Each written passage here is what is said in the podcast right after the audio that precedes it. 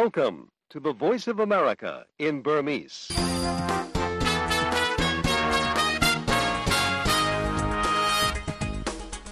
မင်္ဂလာညချမ်းပါတော်ရရှိမြခင်ဗျာ VOA American တန်ကနေ2024ခုနှစ်ဖေဖော်ဝါရီလ29ရက်ဇာတိညအစီအစဉ်တွေကိုမြန်မာစံတော်ချိန်ည9:00နာရီကနေ10:00နာရီထိ Washington DC မြို့တော်ကနေတိုက်ရိုက်စလွှင့်နေပါပြီ။လိုင်းနိုမီတာ1925 32တို့အပြင် VOA ရဲ့ website Facebook နဲ့ YouTube တို့ကနေလည်းတစ်ချိန်နဲ့ထုတ်လွှင့်ချိန်အတွင်းတိုက်ရိုက်နားဆင်ကြည့်ရှုနိုင်ပါပြီ။ဒီညအစီအစဉ်မူကတော့ကျွန်တော်ဝင်းမြင်ပါ။မင်္ဂလာညချမ်းပါရှင်ကျွန်မကတော့ဆုမြတ်ပါပါရှင် American သမ္မတ Joe Biden နဲ့ဒီသမ္မတဟောင်း Donald Trump တို့နှစ်ယောက်စလုံး Mexico နိုင်ငံနဲ့နယ်စပ်ဖြစ်တဲ့ Texas ပြည်နယ်ကိုဒီကနေ့သွားကြဖို့ရှိနေပါတယ် ထိုင်းလွှတ်တော်ထဲမှာဆွေးနွေးမဲ့မြန်မာအရေးဆွေးနွေးပွဲကနေဒီမြန်မာစစ်တပ်ကို ထိထိရောက်ရောက် အရေးယူဆောင်ရွက်နိုင်မဲ့ကိစ္စတွေ ဆွေးနွေးနိုင်မယ်လို့ဒီလူခွင့်ရေးအဖွဲ့တွေက မျှော်လင့်နေကြပါတယ်။တခါမြန်မာနိုင်ငံက လူငယ်တထောင်ကျော်အတွက် ပညာသင်ဆုပေးမဲ့ American ပြည်ထောင်စု နိုင်ငံတကာဖွံ့ဖြိုးရေး Agency USAID ရဲ့ဒီ scholarship အစီအစဉ်ကို ဒီကနေ့ ကြေညာပါတယ်။ခုလိုမျိုးနောက်ဆုံးရသတင်းတွေကို ဒီကနေ့ညမှာ ကြေညာပေးမှာဖြစ်ပါတယ်ရှင်။ဟုတ်ကဲ့ပါမဆုမြတ်မုံရင်အခုလိုသတင်းတွေပြီးမှာတော့ ဒီညစိတ်ဝင်စားဖို့အကောင်းဆုံးသတင်းပေးပို့ချက်တွေလည်းမှဆိုရင် ရခိုင်ဘက်စစ်တွေမှာ ရေတက်လက်နက်ကြီးဈေးတဲ့ကြလို့ အရသာထိခိုက်တည်ဆုံးတာကိုအေးပြောခွင့်ရကဒီဈေးရောင်းဈေးဝယ်လုပ်နေတဲ့အပြစ်မဲ့ပြည်သူ လက်ရှိရှင်ဒီစင်းဦးတည်ဆုံးပြီး30တူပြင်းထန်ဒဏ်ရာရတဲ့ဒီတည်ဆုံးတဲ့ဥယေလည်း ဆက်ပြီးတော့ တိုးလာနိုင်တယ်လို့ဒီဒဏ်ရာရတဲ့ဥယေကလည်း ဆက်ပြီးတော့ တိုးလာနိုင်တယ်နောက်မကွေးဘက် စလင်းမြို့နယ်တဲ့စစ်လေရင်ပြက်ကြတာမှာ လေရင်မှုတွေတော့ လွတ်မြောက်သွားပါတယ်။ကရင်ပြည်နယ်တဲ့လူငယ်တွေကတော့ ပညာသင်ခွင့်ဆုံးရှုံးနေပါတယ်။ အခုလိုသတင်းလွှာပြီးမှတော့ကျတာရင်းညပတ်စင်ကဏ္ဍဖြစ်တဲ့ဥအောင်ခရမြမကြီးသုံးသက်ချက်ပါဝင်အပတ်စဉ်ကဏ္ဍတွေဇက်တိုက်လာဖို့ရှိပါတယ်အခုရင်ဆုံးတော့ထိတ်တရောက်သတင်းတွေကိုမဆုမြတ်မွန်နဲ့ပဲကျွန်တော်ပြောပြပေးပါမယ်ခင်ဗျာ American သမ္မတ Joe Biden နဲ့ သမ္မတဟောင်း Donald Trump တို့နှစ်ယောက်စလုံးဒီ Mexico နိုင်ငံနဲ့ နယ်စပ်ဖြစ်တဲ့ Texas ပြည်နယ်ကို ဒီကနေ့ ကြာသပတေးနေ့မှာ သွားကြဖို့ ရှိနေပါတယ်။ Mexico နယ်စပ်ကနေ American တွေကို တရားမဝင် ဝင်လာနေသူတွေကို တားဆီးရေးကိစ္စက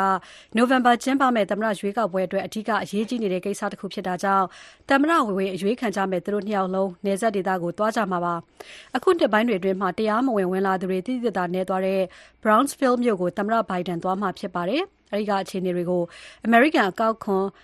နယ်စပ်လုံခြုံရေး လူဝင်မှုကြီးကြပ်ရေးဌာန တာဝန်ရှိသူတွေရဲ့ တင်ပြချက်တွေကို သမ္မတဘိုင်ဒန်နားထောင်မှာဖြစ်ပြီးတော့မိန့်ခွန်းပြောကြားဖို့ရှိတယ်လို့ အိမ်ဖြူတော်က သတင်းထုတ်ပြန်ထားပါတယ်။ Republican ပါတီရဲ့ သမ္မတလောင်းဖြစ်ဖို့တေချာသလောက်ရှိနေတဲ့ Trump ကတော့ မကြာခင်လပိုင်းတွေကစပြီးတော့တရားမဝင် ဝင်လာသူတွေအများဆုံးဖြစ်တဲ့ နေရာတစ်ခုဖြစ်တဲ့ Eagle Pass မြို့ကိုတွားရောက်မှာပါ။ Trump သမ္မတတာဝန်ထမ်းဆောင်ခဲ့စဉ်တုန်းက American နဲ့ Mexico နယ်စပ်ကိုတတိုင်းကာဖို့အတွက်ကြိုးစားခဲ့ပူပါတယ်ရှင်။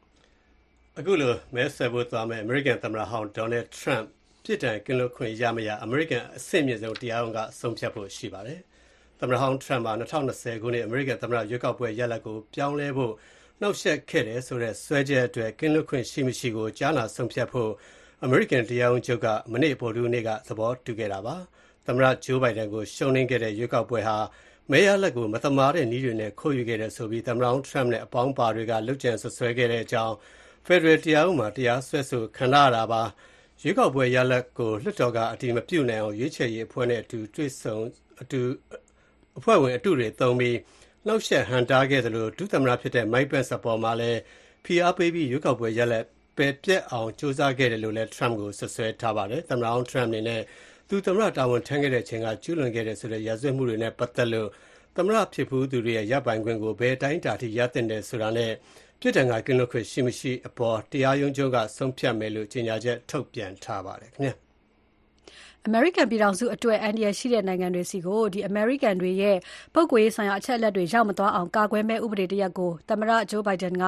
သမ္မတအမိန့်နဲ့ ပြဋ္ဌာန်းလိုက်ပါတယ်။ဘယ်သူဘဝခွဲခြားနိုင်တဲ့ ဇီဝမှတ်တမ်းအချက်အလက် ပထဝီနေရာပြမှတ်တမ်း ကျန်းမာရေးနဲ့ဗန္ဒာရေး စတဲ့ အချက်အလက် ပမာဏ အမြောက်အများကို အမေရိကန်အစိုးရကဒီစိုးရိမ်စရာကောင်းတယ်လို့ သတ်မှတ်ထားတဲ့ နိုင်ငံတွေစီကိုလွှဲပြောင်းမပေးနိုင်အောင် တားဆီးမိန့် ထုတ်ပြန်လိုက်တာပါ။ တရုတ်၊ရုရှား၊မြောက်ကိုရီးယား၊အီရန်၊ကျူးဘားနဲ့ဗင်နီဇွဲလားနိုင်ငံတွေကို စိုးရိမ်စရာကောင်းတဲ့ နိုင်ငံတွေအဖြစ်ဘိုင်ဒန်အစိုးရတာဝန်ရှိသူတွေက သတ်မှတ်ပြောကြားခဲ့ပါတယ်။အမေရိကန်ပြည်သူတွေ စစ်မှုထမ်းတွေရဲ့ ဘဝအကြောင်း နောက်ယောင်ခံနိုင်တဲ့ အချက်အလက်တွေကို နိုင်ငံခြားထောက်လှမ်းရေးဌာနတွေဆီကိုပေးပို့လို့ မရအောင်လို့ဆောင်ရွက်တာဖြစ်တယ်လို့ အိမ်ဖြူတော်ရဲ့ ထုတ်ပြန်ချက်မှာ ဖော်ပြထားပါတယ်။အစ္စရေး-ဟာမတ်စ်စစ်ပွဲထဲ စစ်ရာဇဝတ်မှုတွေကို နှစ်ဘက်လုံးက ကျူးလွန်နေတယ်လို့ ကုလမင်းကြီးက ပြောလိုက်ပါတယ်။ ကုလသမဂ္ဂ လူ့အခွင့်အရေးဆိုင်ရာ မဟာမင်းကြီး Volker Turk က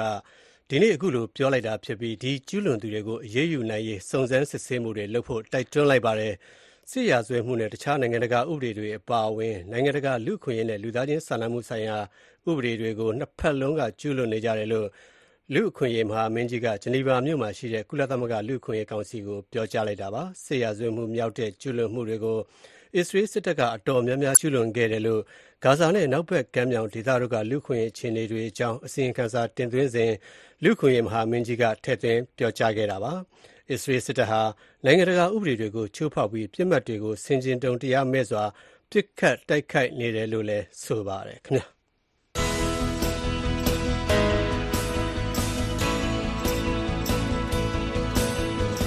VOA အမေရိကန်အတန်းညဘက် မြန်မာဘာသာ အစီအစဉ်တွေကို ညပိုင်း9:00နာရီကနေ10:00နာရီအထိ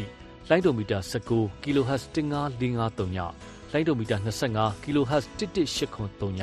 လိုင်းဒိုမီတာ32 kHz 9335တို့အပြင်စနေတနင်္ဂနွေမှာလိုင်းလံမီတာ190 kHz 1505တို့ကနေထုတ်လွှင့်ပေးနေပါတယ်ခင်ဗျာဖေဖော်ဝါရီလ29ရက်ကြာသပတေးနေ့ညဘက်နိုင်ငံတကာသတင်းတွေကို VOA ကဆက်ပြီးကြီးညာပေးနေပါတယ်ရှင်။ မတ်လ2ရက်နဲ့3ရက်နေ့တွေကြာရင် ထိုင်းလွှတ်တော်မှာဆွေးနွေးမဲ့မြန်မာအရေးဆွေးနွေးပွဲတွေကနေ လူခွင့်ရေး ဆိုးဆိုးဝါးဝါချိုးဖောက်နေတဲ့ မြန်မာစစ်တပ်ကို ထိထိရောက်ရောက် အရေးယူနိုင်မဲ့ကိစ္စတွေ ဆွေးနွေးမယ်လို့ မျှော်လင့်ကြောင်း Fortify Rights အဖွဲ့ အမှုဆောင်အရာရှိချုပ် Matthew Smith ကပြောကြားလိုက်ပါတယ်။ထိုင်းလွှတ်တော်ထဲမှာ မြန်မာအရေးဆွေးနွေးတာမို့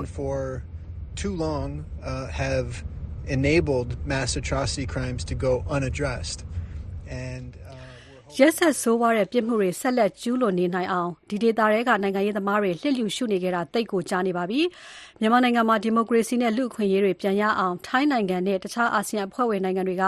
အရေးတယူပို့ပြီးတော့ဆောင်ရွက်လာဖို့မျှော်လင့်ပါတယ်လို့ဒီ Matthew Smith က VOA မြန်မာပိုင်းကိုပြောကြားသွားတာပါ။ထိုင်းနိုင်ငံမှာဒါမကအာဆီယံဒေသတစ်ခုလုံးကဗန်ဒါရေးလုပ်ငန်းတွေကိုစစ်တပ်အုံပြုလို့မရအောင်ကန့်သက်ထိန်းချုပ်တာ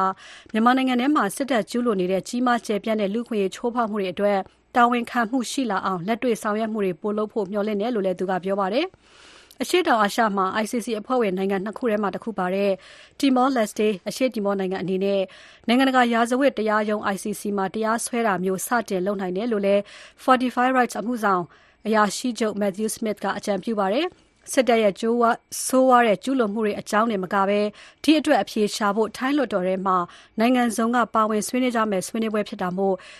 စစ်အစိုးရလုံးဝကြိုက်မှာမဟုတ်တဲ့ဆွေးနွေးပွဲလို့လည်းသူကဖော်ပြပြောဆိုခဲ့ပါတယ်။ထိုင်းလွှတ်တော်မှာအမတ်အများဆုံးနေရာရထားတဲ့ Move Forward Party ကဒီဦးစီးပြုလုပ်မဲ့ဆွေးနွေးပွဲမှာထိုင်းနိုင်ငံသားရေးဝန်ကြီး NUG နိုင်ငံသားရေးဝန်ကြီးမြန်မာနိုင်ငံလူ့ခွင့်ရေးဆိုင်ရာကုလသမဂ္ဂအထူးတန်တမန်အပါအဝင်လက်နက်ကန်တိုင်းရင်းသားအဖွဲ့တွေသတင်းသမားတွေထိုင်းနိုင်ငံရေးပါတီတွေပါဝင်ဆွေးနွေးမှာဖြစ်တယ်လို့ဒီထိုင်းလွှတ်တော်ကအစီအစဉ်ထုတ်ပြန်ထားပါတယ်။ ဆီယနာသိန်းနဲ့ ၃ နှစ်အကြာ မြန်မာနိုင်ငံ ဒီမိုကရေစီလမ်းကြောင်းပေါ် ပြန်သွားရေးနဲ့ဒီထိုင်းနယ်စပ်တစ်လျှောက် လုံခြုံရေးတက်ရောက်မှု ဆိုတဲ့ ခေါင်းစဉ်နဲ့ ဆွေးနွေးကြမှာဖြစ်ပါတယ်ရှင်။အခုလို ထိုင်းမှာအပြင် အာဆီယံဩစတြေးလျ ထိပ်သီးအစည်းအဝေးမှာလည်း မြန်မာ့အရေးဆွေးနွေးဖို့ HRW လူ့အခွင့်အရေးအဖွဲ့ကြီးက တိုက်တွန်းလိုက်ပါတယ်။အာဆီယံခေါင်းဆောင်တွေနဲ့ဩစတြေးလျအစိုးရတို့အနေနဲ့ မြန်မာနိုင်ငံထဲဖြစ်ပေါ်နေတဲ့ ပဋိပက္ခနဲ့ တခြားဒေသတွင်းပြဿနာတွေကို ကိုင်တွယ်ဖြေရှင်းကြဖို့ လိုအပ်ကြောင်းဒီ HRW လူ့အခွင့်အရေးစောင့်ကြည့်ရေးအဖွဲ့ကြီးက ပြောလိုက်တာပါ။ ဩစတြေးလျဝန်ကြီးချုပ် Anthony Albanese က အာဆီယံ ၉ နိုင်ငံက ခေါင်းဆောင်တွေကို ဖိတ်ကြားပြီး လာမယ့် မတ်လ ၄ ရက်နေ့ကနေ ၆ ရက်နေ့ထိ အာဆီယံဩစတြေးလျ အထူးထိပ်သီးဆွေးနွေးပွဲကို လက်ခံကျင်းပဖို့ ရှိနေတဲ့အချိန်မှာ HRW က အခုလို တောင်းဆိုထုတ်ပြန်လိုက်တာပါ။နိုင်ငံရေးအရ စစ်ကောင်စီကို ကိုစားပြုတဲ့ ကိုယ်စားလှယ်ကို အာဆီယံရဲ့ အရေးပါတဲ့ ထိပ်သီးဆွေးနွေးပွဲမှာ ဖိတ်ကြားခြင်းမပြုဖို့ အာဆီယံက ဆုံးဖြတ်ထားတာနဲ့အညီ အခု ဩစတြေးလျနဲ့ ပြုလုပ်မယ့် အထူးထိပ်သီးဆွေးနွေးပွဲမှာလည်း အင်ရှင် ဩစတြေးလျနိုင်ငံက အာဆီယံ ၉ နိုင်ငံက ခေါင်းဆောင်တွေကိုပဲ ဖိတ်ကြားလိုက်တာ ဖြစ်နိုင်ပါတယ်။မြန်မာနိုင်ငံမှာ စစ်အာဏာသိမ်းပြီးတဲ့နောက်ပိုင်း ယိုယွင်းဆုတ်ယုတ်လာနေတဲ့ စာနာမှုဆိုင်ရာ အကျပ်အတည်းတွေနဲ့ လူ့အခွင့်အရေး ချိုးဖောက်မှုတွေကို အာဆီယံအနေနဲ့ ကိုင်တွယ်ဖြေရှင်းနိုင်ခြင်းမရှိကြောင်း HRW က ထုတ်ပြန်ထားပါတယ်။ဒါ့အပြင် ဒီအကျိုးဆက်က အိမ်နီးချင်း ထိုင်း၊အိန္ဒိယနဲ့ တရုတ်နိုင်ငံတို့ပါ သက်ရောက်မှုတွေ ရှိလာနေကြောင်း HRW က ထုတ်ပြန်တဲ့ စာမျက်နှာ ၆၀ ပါ အရှေ့တောင်အာရှ လူ့အခွင့်အရေး အစီရင်ခံစာမှာ ဖော်ပြထားပါတယ်။ မြန်မာနိုင်ငံက ကျောင်းသားတွေအတွက် ရည်ရွယ်ပြီး ပညာတော်သင်ဆုပေးမယ့် အစီအစဉ်ကို အမေရိကန်ပြည်ထောင်စု နိုင်ငံတကာဖွံ့ဖြိုးရေးအေဂျင်စီ USAID က ဒီကနေ့ ကြေညာခဲ့ပါတယ်။မတူကွဲပြားမှုနဲ့ အားလုံးပါဝင်ခွင့်ရှိသော ပညာသင်ဆုလို့ဒီအဓိပ္ပာယ်ရတဲ့ Diversity and Inclusion Scholarship အစီအစဉ်အရ မြန်မာနိုင်ငံက ကျောင်းသား1000ကျော်ကို ပညာသင်ဆုတွေပေးမယ်လို့ဒီထိုင်းနိုင်ငံ ဘန်ကောက်မြို့တော်မှာကျင်းပတဲ့ဒီပညာတော်သင်ဆု မိတ်ဆက်အခမ်းအနားမှာအတည်ပြုခဲ့ပါတယ်။ အသက်25နှစ်အောက် လူငယ်45ရာခိုင်နှုန်းရှိနေတဲ့ မြန်မာနိုင်ငံအနေနဲ့ လူငယ်မျိုးဆက်သစ်တရပ် ပျောက်ဆုံးမဲ့အခြေအနေ ရင်ဆိုင်နေရတယ်လို့ American တန်ယုံအကြီးအကဲ Susan Stevenson ကပြောကြားခဲ့ပါတယ်။ဒါကြောင့် American ပြည်ထောင်စုအနေနဲ့ Diversity and Inclusion Scholarship အစီအစဉ်ကနေတဆင့် အဲ့ဒီအခြေအနေမျိုး ဆိုက်ရောက်မသွားအောင် တားဆီးဖို့ ကူညီဆောင်ရွက်တာဖြစ်တယ်လို့ ပြောပါတယ်။ USAID အာရှရေးရာ လက်ထောက်အုပ်ချုပ်ရေးမှူး Michael Schiffer ကလည်း ဒီပညာတော်သင်ဆုဟာ ဒေတာရင်းအဆင့်မြင့် ပညာရေးကဏ္ဍနဲ့ပတ်သက်လို့ မဟာဗျူဟာမြောက် ရင်းနှီးမြှုပ်နှံမှုဖြစ်တယ်လို့ ဖော်ပြပြောဆိုခဲ့ပါတယ်။ ပညာရေးနဲ့ပတ်သက်တဲ့ အမေရိကန်ရဲ့တနိဋ္ဌာန်ချ ဆောင်ရွက်မှုတွေကို အခု ပညာတော်သင်ဆုအစီအစဉ်နဲ့ လက်တွေ့ပြသလိုက်တာဖြစ်ပြီးတော့မြန်မာနဲ့ ကမ္ဘာတလွှားမှာ ကောင်းမွန်တဲ့အကျိုးဆက်တွေ ပေါ်ပေါက်လာဖို့အတွက်ဖြစ်တယ်လို့လည်းဒီ Michael Schiffer က ဒီခမ်းနားမှာ ပြောကြားသွားခဲ့ပါတယ်။တောင်ကိုရီးယားမှာတော့ ဆန္ဒပြလုပ်တင်ဆရာဝန်တွေဟာ အစိုးရက အလုပ်ပြန်ဝင်ဖို့တတိပေးတဲ့ကြားက ဆက်တပိတ်မှောက်နေကြပါတယ်။တောင်ကိုရီးယားနိုင်ငံမှာ ဆန္ဒပြနေကြတဲ့ အလုပ်တင်ဆရာဝန်တွေ အလုပ်ပြန်ဝင်ဖို့ ကျန်းမာရေးဌာနက ဒီနေ့ နောက်ဆုံးရက် သတ်မှတ်ထားပေမဲ့ ထောင်နဲ့ချီတဲ့လုပ်တင်ဆရာဝန်တွေကတော့ အလုပ်ခွင်ကို ပြန်ဝင်ဖို့ညှင်းဆန်နေကြတာပါ။ဆေးမကုပဲဆန္ဒပြနေတဲ့ အလုပ်တင်ဆရာဝန်တွေအနေနဲ့ အခု ကြာသပတေး ဖေဖော်ဝါရီ29ရက်နေ့ နောက်ဆုံး ဆေးရုံပြန်ဝင်ရင် ဆရာဝန်လက်မှတ် ရုပ်သိမ်းခံရတဲ့အထိ အရေးယူခံရမယ်လို့ ကျန်းမာရေးဝန်ကြီးဌာနက တနင်္လာနေ့တည်းကသတိပေးထားပါတယ်။တောင်ကိုရီးယားမှာ ကျန်းမာရေးစောင့်ရှောက်မှု လိုအပ်ချက်ကို ဖြည့်နိုင်ဖို့ ရှင်းနှစ်ကစပြီး ဆေးကြောင်းတက်ခွင့်ပြုသူ အရေအတွက်2000အထိတိုးမဲ့အစိုးရအစီအစဉ်ကို အလုပ်တင်ဆရာဝန်တွေ ဆန္ဒပြနေကြတာ ဖြစ်ပါတယ်ခင်ဗျာ Direct from Washington the voice of America VOA VOA America တန်ရဲ့ February 29ရက်ကြာသပတေးညနောက်ဆုံးရသတင်းတွေကိုမစစ်မြတ်မို့နဲ့ကျွန်တော်ပြပြပေးခဲ့တာပါအခုတော့စိတ်ဝင်စားစရာအကောင်းဆုံးသတင်းပေးဖို့ချက်တွေစက်တိုက်ပါပထမဆုံးကတော့ရခိုင်ဘက်စစ်တွေမှာရေတက်လက်နဲ့ကြီးဈေးရဲကြလို့အရသာထိခိုက်ဒေဆုံးရတာပါစစ်ကောင်စီနဲ့ရခိုင်တပ်တော် AA ကြားတိုက်ပွဲပြင်းထန်နေတဲ့ရခိုင်ပြည်နယ်မှာအရသာထိခိုက်ဒေဆုံးမှုတွေရှိနေပါတယ် ဒီနေ့မနက်ပိုင်းကလည်း စစ်တွေမြို့မှာ စစ်ကောင်စီရေတပ်က လက်နက်ကြီးနဲ့ ပစ်ခတ်ခဲ့တာကြောင့် အရသာတဒါဇင်ထက်မနည်း သေဆုံးပြီး30ကျော် ဒဏ်ရာရရှိခဲ့တယ်လို့ AA အဖွဲ့ ပြောခွင့်ရ ခိုင်သုခက ပြောပါတယ်။ဒီအကြောင်း ရန်ကုန်က သတင်းပေးပို့တာကို အခြေခံပြီး ကိုစီသူပြောပြပေးပါအောင်ခင်ဗျာ။ရခိုင်ပြည်နယ် မြို့တော်စစ်တွေမှာ ဒီကနေ့မနက်ပိုင်း ၈ နာရီကျော်လောက်က လက်နက်ကြီးထိမှန်ရန်ကအရပ်သား12ဦးသေဆုံးပြီးတော့30ကျော် ဒဏ်ရာရရှိခဲ့တယ်လို့ရခိုင်တပ်တော် AA က ပြောပါတယ်။ ကလဒန်မြစ်ထဲကနေစစ်ကောင်စီရေတပ်သင်္ဘောကပစ်ခတ်လိုက်တဲ့လက်နက်ကြီးကြီးဟာလူစီကားတဲ့စစ်တွေမျိုးကိုရီးယားစိတ်ကန်းဈေးကိုကြားရောက်ပောက်ကွဲခဲ့ရာကထိခိုက်ဒေဆုံးခဲ့တာလို့လည်းအေးအဖွဲ့ပြောခွင့်ရခိုင်တုခက VOA ကိုပြောပါတယ်ဆိုတော့အဲ့ဒီဖြစ်စဉ်မှာဒီဈေးရောင်းဈေးဝယ်လုပ်နေတဲ့ဒီအပြစ်မဲ့ပြည်သူလက်ရှိအချိန်ထိပေါ့နော်ဒီဆေးနှဦးတည်ဆုံးပြီးတော့ဟို30တူအပြင်းထန်ဒဏ်ရာရတယ်လို့သိရတယ် ဆိုတော့ဒီဒဏ်ရာရတဲ့သူအရေအတွက်ကတော့ဒီအခုထိအဲဒီဥစ္စာပေါ့နော်ဒါအာတေးသေးချာချာတော့ဒီအာဒီစရင်တိကျထွက်လာတာတော့မရှိသေးဘူးဒါပေမဲ့အာဒီ32ဦးကတော့ဒဏ်ရာပြင်းထန်တဲ့အတွက်ဒါဆေးရုံမှာရောက်နေပြီလို့သိရတယ်ဟိုကြံတဲ့ဒီ ဒီမစိုးရင်ရဒဏ်ရာရတဲ့သူဆေနဲ့ရှိပြီးတော့အများပြားရှိတယ်လို့သိရတယ်ဗျဒါကြောင့်မို့လို့ဒီသေဆုံးတဲ့ဥယေလည်းဆက်ပြီးတော့တိုးလာနိုင်တယ်လို့ဒီဒဏ်ရာရတဲ့ဥယေကလည်းဆက်ပြီးတော့ဒါအာတိုးလာနိုင်တယ်လို့ကျွန်တော်တို့ကဟိုအဲ့လိုပဲသိရတယ်စစ်တွေမြို့မှာဘာတိုက်ပွဲမှဖြစ်ပွားတာမရှိဘဲနဲ့လူစီကားတဲ့ဈေးအတွင်းကိုစစ်ကောင်စီကအခုလိုလက်နက်ကြီးနဲ့ပစ်ခတ်ခဲ့တာဖြစ်တယ်လို့ အေးပြောခွင့်ရခိုင်ဒုခကပြောပါတယ်ဟိုဒီလိုမျိုးအပြစ်မဲ့ပြည်သူတွေဈေးရောင်းဈေးဝယ်လုပ်နေတဲ့ဈေးသေးကိုဒီအကြံဖက်ဖက်စစ်စစ်ကောင်စီကရည်ရွယ်ချက်ရှိရှိဒီလက်နက်ကြီးနဲ့ပြစ်ခတ်တိုက်ခိုက်တယ်ဆိုတာကတော့ဒါဟာဒါအလွန်ဆိုးရတဲ့ဒီအကြံဖက်တိုက်ခိုက်မှုတစ်ခုဖြစ်တယ်ဟိုတစ်ဖက်ကပြောရမယ်ဆိုလို့ရှိရင်တော့ဒါဟာဒီမြန်မာနဲ့ဒီအရှိတောင်အာရှသမိုင်းမှာဒီအဆိုးအဆုံးအကြမ်းဖက်တိုက်ခိုက်မှုတွေထေးကဒါတစ်ခုဖြစ်တယ်လို့ပြောလို့ရတယ်ဗျ ဒီလိုမျိုးဒီအကြမ်းဖက်ဖက်စစ်အာစစ်ကောင်စီအဖွဲ့ရဲ့ဒီအပြစ်မဲ့ပြည်သူတွေကိုဥတေပြစ်မှားထားပြီးတော့မှဒီဆိုးဝါးလာတဲ့ဒီအကြမ်းဖက်လောက်ရမျိုးကိုเนาะအိန္ဒိယနိုင်ငံတွေအပါအဝင်အာဒီအာဆီယံနဲ့ဒီနိုင်ငံတကာအတိုင်းဝိုင်းအနေနဲ့ဒါဝိုင်းဝန်းအာကန့်ကွက်အာဒါတားဆီးကြဖို့လိုပါတယ်လို့ကျွန်တော်တို့အနေနဲ့ကတော့ဟိုပြောလိုပါတယ်ဗျလက်ရှိမှာတော့တည်ဆုံးသူတွေနဲ့ဒဏ်ရာရတဲ့သူတွေကိုစစ်တွေစေးရုံကိုပို့ဆောင်ထားသလို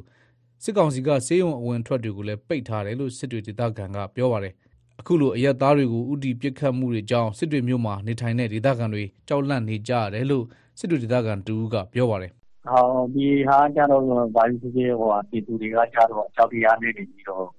ဟိုနေရတဲ့အနေအထားတွေမှာကြတော့လုံခြုံမှုတော့မရှိဘူးပေါ့နော်လူတိုင်းကတော့ကြောက်စစ်စစ်နဲ့အဲ့လိုပုံစံမျိုးဟိုကျွန်တော်တို့စစ်တွေမျိုးမှာနေတဲ့သူတွေကဘယ်လိုမျိုး စစ်တွေမျိုးကနေပြီးတော့ဒီထွက်ရမလဲဆိုတဲ့အရာပေါ့နော် ကိုယ့်အတွက်အနေနဲ့လုံခြုံဖို့အတွက်နေပြီးတော့ဟိုတနေ့နဲ့ဘယ်လိုမျိုး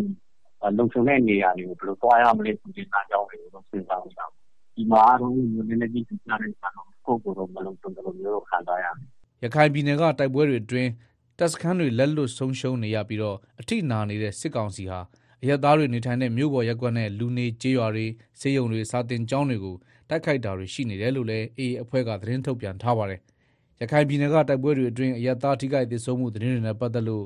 စစ်ကောင်စီဘက်ကလက်တလော သတင်းထုတ်ပြန်ထားတာတော့ မတွေ့ရသေးပါဘူး။ဒီအပိုင်းအတွင်းမှာပဲ မင်းပြားမြို့နယ် မင်းဖူးစေယုံကို စစ်ကောင်စီက လေကြောင်းကနေဘုံကျဲခဲ့တာကြောင့်စေယုံတစ်ခုလုံးပျက်စီးသွားသလိုစေကူတမှုခံယူနေသူတွေစေယုံဝန်ထမ်းတွေ အများအပြား ဒဏ်ရာရရှိခဲ့တယ်လို့အေအေဘက်က ထုတ်ပြန်ထားပါတယ်။တစ်ဆက်တည်းမှာပဲ မင်းပြားမြို့နယ်တေကန်ကျေးရွာအတွင်းက စစ်ဘေးဒုက္ခသည်တွေနေထိုင်တဲ့စာတင်ကျောင်းကိုစစ်ကောင်စီလေကြောင်းကဘုံကျဲခဲ့တာကြောင့်စစ်ဘေးဒုက္ခသည်အများအပြားလည်းဒဏ်ရာရရှိခဲ့ပါတယ်ခင်ဗျာ။စစ်တွေမှာရေတပ်လက်နက်ကြီးဈေးတဲ့ကြပြီးအရသာထိခိုက်တည်ဆုံခဲ့ရတာကိုစီသူပြောပြခဲ့တာပါအခုတော့မကွေးဘက်ဆလင်းမြို့နယ်မှာစစ်လေရင်ပြတ်ကြတာမှာလေရင်လေရင်မှုတွေကတော့လွတ်မြောက်သွားတာပါမကွေးတိုင်းဆလင်းမြို့နယ်မှာစစ်လေရင်တစင်းပြတ်ကျခဲ့ပြီးလေရင်မှုတွေကတော့အသက်မသေးလွတ်မြောက်ခဲ့တယ်လို့ဒေသခံတွေကပြောပါတယ်။လေရင်ပြတ်ကျတဲ့နေရာမှာလည်းလုံခြုံရေးတွေနေရာယူထားတယ်လို့ပြောပါတယ်။ ဒီအကြောင်းသတင်းပေးပို့လာတာကိုကိုခမောင်စုံမင်းပြောပြပေးပါအောင်ခင်ဗျာ။မကွေးတိုင်းဆလင်းမြို့နယ်ကျူဝင်းကြီးကျေးရွာအနီးကလယ်ကွင်းထဲကိုဒီကနေ့ဖေဖော်ဝါရီ29ရက်မွန်းတက်7နာရီခွဲအချိန်ကစစ်တပ်တိုက်လေရင်တစင်းပြက်ကျမီးလောင်သွားတယ်လို့ဒေသခံတွေကပြောပါတယ်။ပြက်ကျသွားတဲ့နေရာမှာလုံခြုံရေးတွေချထားပြီးလေရင်မှုကိုရဟတ်ရင်နဲ့ပြန်ခေါ်ဆောင်သွားတယ်လို့လည်းပြောပါတယ်။ တိုက်လေရင်ပြက်ကျတဲ့ အခြေအနေနဲ့ ပတ်သက်လို့ ဒေသခံတဦးက VOA မြန်မာပိုင်းကို အခုလို ပြောပါတယ်။ပြက်ကျတော့ ဒီလိုတက်ချရပြီးပြက်ကျတယ်လို့ဟိုဟာပြလင်းရပြန်တန်းလာရင်တော့နင်းနေနေနဲ့ဟောပြပြတယ်လေကွန်းနဲ့ဟို change ထိုးကြတော့တယ်ပေါ့ အဲ့ဒီထားမပြကြတော့တယ်ဒီ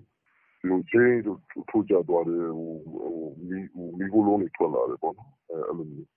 လေရင်နှစ်ပိုင်းပြတ်သွားတယ် နှစ်ပိုင်းပြတ်သွားပြီး အစိတ်စိတ်မှမှဖြစ်သွားတယ် လေရင်မီးလောင်ပြတ်သွားပြီမဲ့ လေရင်မှုနှစ်ဦးက အသက်ရှင် လွတ်မြောက်ခဲ့ပါတယ် လက်ရှိအချိန်မှာပြတ်ကျတဲ့နေရာအနီးကို စစ်တပ်နဲ့ရဲက လုံခြုံရေးယူထားတယ်လို့ ဒေသခံတွေက ပြောပါတယ်။မြေပြင်အခြေအနေကတော့ဒီလေယာဉ်ပေါ်မှာပါလာတဲ့ကျနော်တို့လေယာဉ်မောင်းနှင်သူနှစ်ယောက် ကျနော်တို့ရန်လေယာဉ်မှူးနဲ့ သူတို့နှစ်ယောက်ကတော့ ခုန်ချပြီးတော့လွတ်မြောက်သွားတယ်။အဲဒီလွတ်မြောက်တဲ့ဟာကိုကျနော်တို့ MI-20 နဲ့လာပြီးတော့ခေါ်သွားတာမျိုးတွေလုပ်တယ်။နောက်တခုကနယ်မြေနယ်မြေအတွင်းကရဲတို့စစ်တပ်ကနေလုံခြုံရေးယူထားတဲ့အနေအထားမျိုးတွေရှိပါတယ်။လေယာဉ်ပျက်ကျတဲ့နေရာအနီးမှာစစ်တပ်တပ်ရင်း၂၅၃၊၂၅၄၊၂၅၅တပ်တွေရှိပြီးပျက်ကျတဲ့အချိန်မှာမြေပြင်မှာကယ်ဆယ်ရေးတွေလုပ်နေတယ်လို့လည်း ဒေသခံတွေက ပြောပါတယ်။ပြီးခဲ့တဲ့ ၂၀၂၂ ခုနှစ် ဖေဖော်ဝါရီလတုန်းကလည်း စစ်ကိုင်းတိုင်း စစ်ကိုင်းမြို့ ရေမျက်ကြီးအင်းထဲမှာ စစ်တပ် တိုက်လေယာဉ်တစင်း ပျက်ကျခဲ့ပြီး လေယာဉ်မှူးလည်း သေဆုံးခဲ့ပါတယ်ခင်ဗျာ